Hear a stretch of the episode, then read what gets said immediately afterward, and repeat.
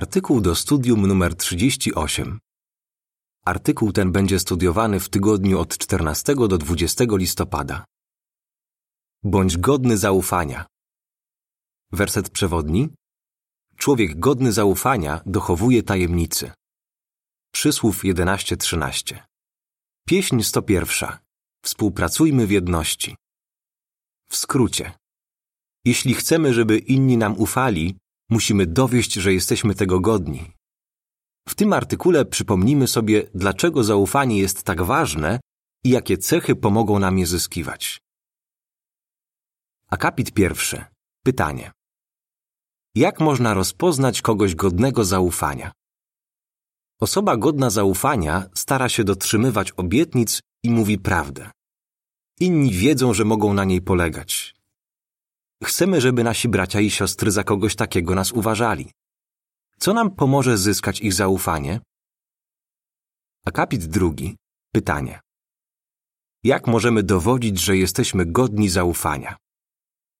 Nie możemy nikogo zmusić, żeby nam ufał. Trzeba sobie na to zapracować. Mówi się, że z zaufaniem jest jak z pieniędzmi. Trudno je zdobyć, ale łatwo stracić. Osobą, której zawsze możemy ufać, jest Jehowa. Nigdy nas nie zawiedzie, bo można polegać na wszystkim, co On robi. Psalm 33, werset 4. Oczekuje od nas, że będziemy Go naśladować. Przeanalizujemy kilka przykładów sług Jehowy, którzy naśladowali swojego niebieskiego Ojca i pokazali, że są godni zaufania.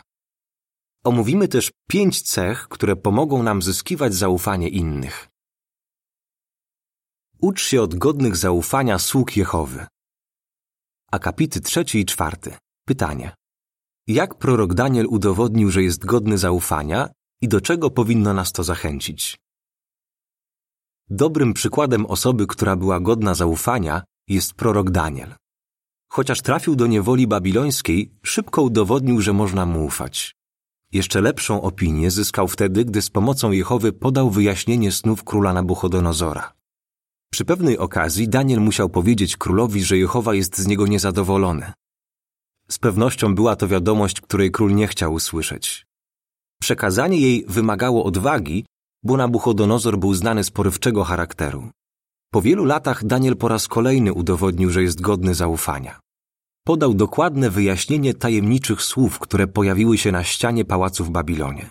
Jeszcze później Dariusz Med i jego urzędnicy zauważyli u Daniela nadzwyczajnego ducha. Musieli przyznać, że jest człowiekiem godnym zaufania, który nie dopuścił się żadnego zaniedbania ani nadużycia. Daniela 6, 3 i 4. Nawet ci pogańscy władcy widzieli, że temu słudze Jehowy można zaufać. Pamiętając o przykładzie Daniela, możemy zadać sobie pytania. Jaką opinię mają o mnie osoby niebędące świadkami Jehowy? Czy jestem znany z tego, że wywiązuję się ze swoich zobowiązań i że można na mnie polegać? Dlaczego warto odpowiedzieć sobie na te pytania? Ponieważ kiedy jesteśmy godni zaufania, przynosimy chwałę Jehowie. Akapit piąty. Pytanie. Dzięki czemu Hananiasz był godny zaufania? Po tym jak w 455 roku przed naszą erą namiestnik Nehemiasz odbudował mury Jerozolimy, szukał odpowiedzialnych mężczyzn, którzy zadbaliby o miasto. Wybrał m.in. Hananiasza, dowódcę twierdzy. Biblia opisuje go jako kogoś, kto zasługiwał na ogromne zaufanie i bał się Boga bardziej niż wielu innych. Nehemiasza 7.2 Hananiasz kochał Jehowę i nie chciał go zawieść, dlatego poważnie podchodził do powierzonych mu zadań. Takie nastawienie pomoże również nam być godnymi zaufania w służbie dla Boga. Podpis do ilustracji do akapitu 5. Nehemiasz powierzył ważne zadania godnym zaufania mężczyznom. Akapit 6. Pytanie. Dzięki czemu Tychik okazał się zaufanym towarzyszem apostoła Pawła? Zwróćmy uwagę na przykład Tychika, zaufanego towarzysza apostoła Pawła. Kiedy Paweł był w areszcie domowym, mógł polegać na Tychiku i nazwał go wiernym sługą. Paweł nie tylko ufał, że przekaże on listy braciom w Efezie i Kolosach, ale też, że pokrzepi ich i zachęci. Obecnie Tychika przypominają wierni i godni zaufania mężczyźni, którzy dbają o nasze potrzeby duchowe. Akapit siódmy. Pytanie. Czego możesz się nauczyć od starszych i sług pomocniczych ze swojego zboru o tym, jak być godnym zaufania? Bardzo cenimy godnych zaufania starszych i sług pomocniczych. Tak jak Daniel, Hananiasz i Tychik poważnie traktują swoje zadania. Na przykład nie mamy wątpliwości, że wszystkie punkty na zebraniu w tygodniu zostały komuś przydzielone. A starsi bardzo sobie cenią, kiedy ci, którzy otrzymali te zadania, przygotowują je i przedstawiają. Nie obawiamy się też zaprosić naszych zainteresowanych na zebranie w weekend, bo wiemy, że na pewno zostanie wygłoszony wykład publiczny. Mamy też pewność, że otrzymamy publikacje potrzebne nam w służbie kaznodziejskiej. Czujemy, że ci wierni bracia naprawdę się o nas troszczą i jesteśmy za nich wdzięczni Jehowie. A w jakich dziedzinach my możemy dowodzić, że jesteśmy godni zaufania? Bądź godny zaufania i dochowuj tajemnicy. Akapit ósmy. Pytanie. Jak zachowywać równowagę, kiedy interesujemy się drugimi? Kochamy naszych współwyznawców i zależy nam na ich pomyślności. Jednak musimy zachowywać równowagę i szanować ich prywatność. Niektórzy chrześcijanie w pierwszym wieku plotkowali i mieszali się w cudze sprawy.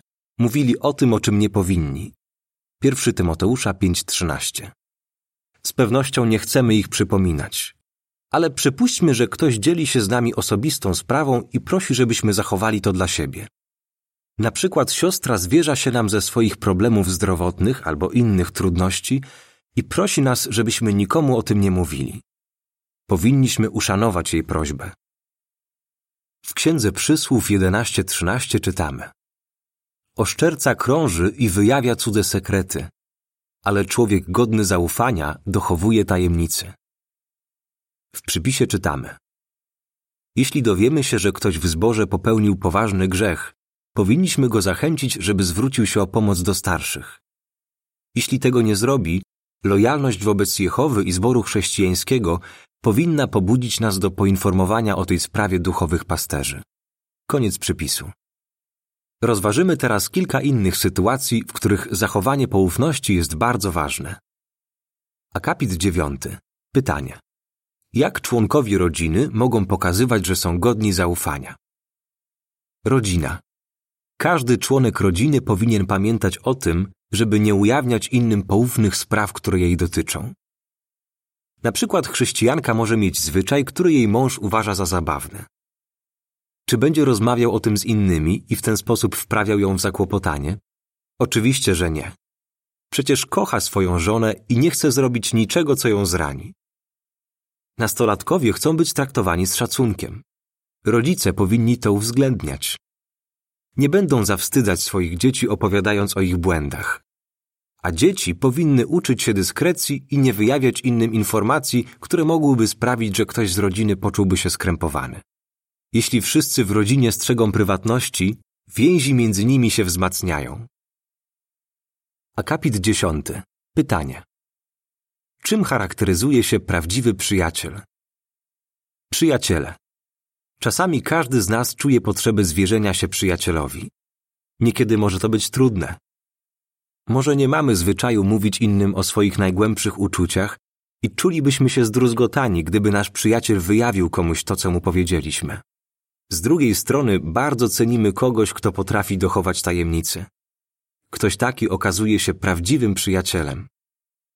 W Księdze Przysłów 17:17 17 czytamy: Prawdziwy przyjaciel okazuje miłość przez cały czas i jest bratem, na którym można polegać w chwilach udręki. Akapit 11. Pytanie A. Jak starsi i ich żony pokazują, że można na nich polegać? Pytanie B. Czego uczymy się od starszego, który zajmuje się poufną sprawą w zborze, a potem spędza czas z rodziną? Zbór. Starsi, którzy dochowują tajemnicy, są dla braci jak schronienie przed wiatrem i kryjówka.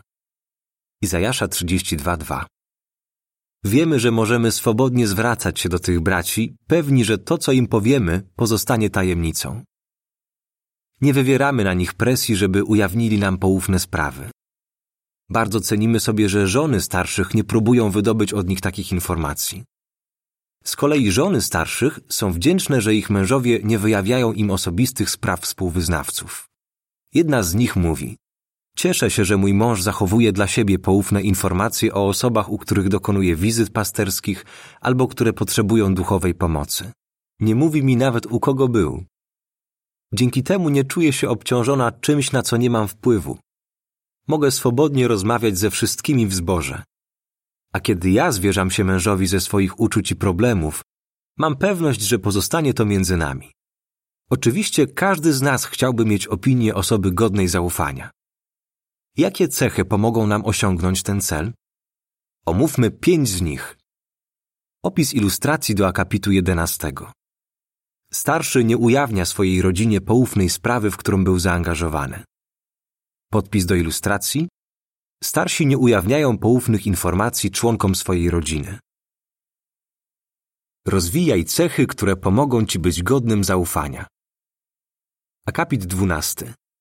Wyjaśnij, dlaczego miłość jest podstawą zaufania. Podstawą zaufania jest miłość. Jezus powiedział, że dwa najważniejsze przykazania to kochać Jehowę i kochać swojego bliźniego. Kochamy Jehowę, który jest godny zaufania w najwyższym stopniu. Dlatego chcemy go naśladować. Na przykład z miłości do naszych współwyznawców nie wyjawiamy ich osobistych spraw. Nigdy nie chcielibyśmy ujawnić czegoś, co mogłoby wyrządzić im szkodę, wprawić ich w zakłopotanie albo ich zranić. Akapit 13. Pytanie. Jak pokora pomaga nam być godnymi zaufania? W budowaniu zaufania pomaga nam pokora. Chrześcijanin, który jest pokorny, nie próbuje zaimponować innym, ujawniając daną informację jako pierwszy. Nie podkreśla też swojej roli, sugerując, że wie coś, o czym nie powinien mówić. Poza tym pokora powstrzyma nas przed spekulowaniem na temat spraw, o których nie wypowiada się Biblia ani oparte na niej publikacje. Akapit 14. Pytanie.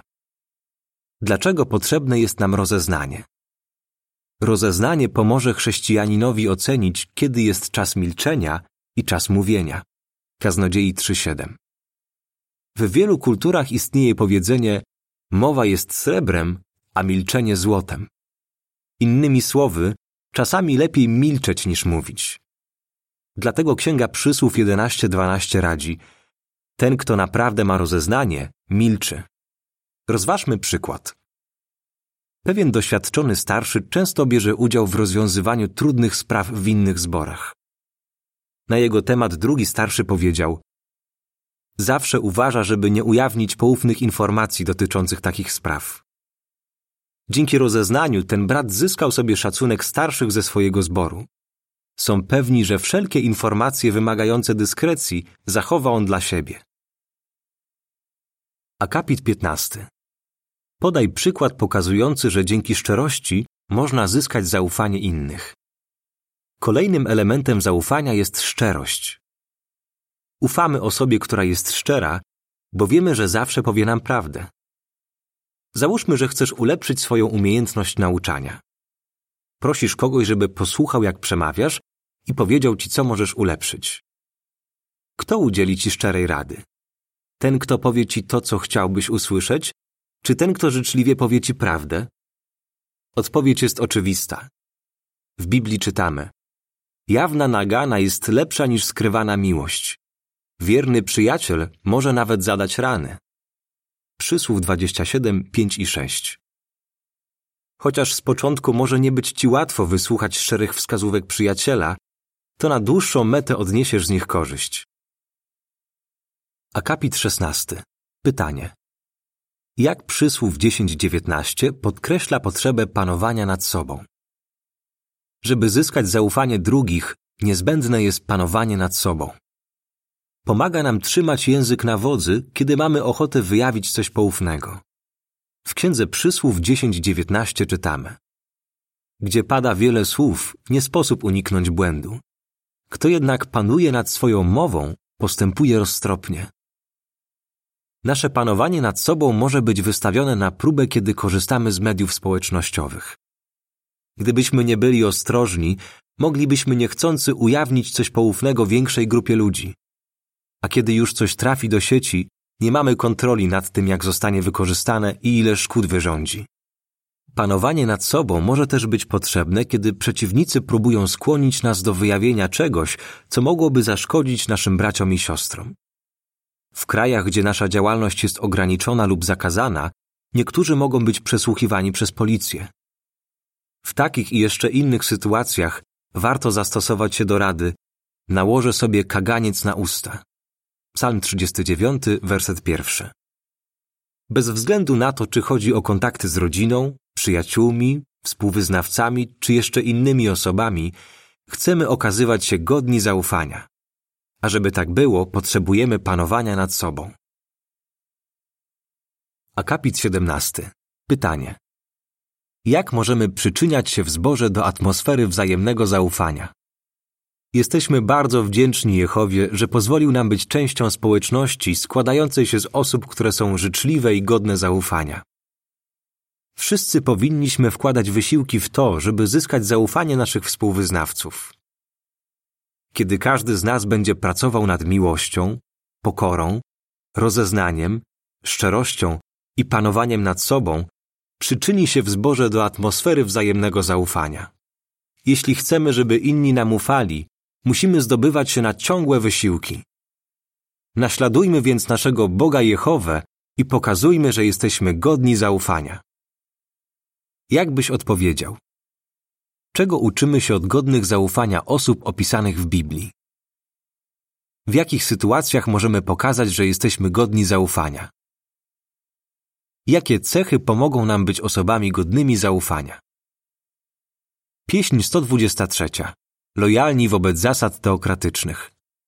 Koniec artykułu.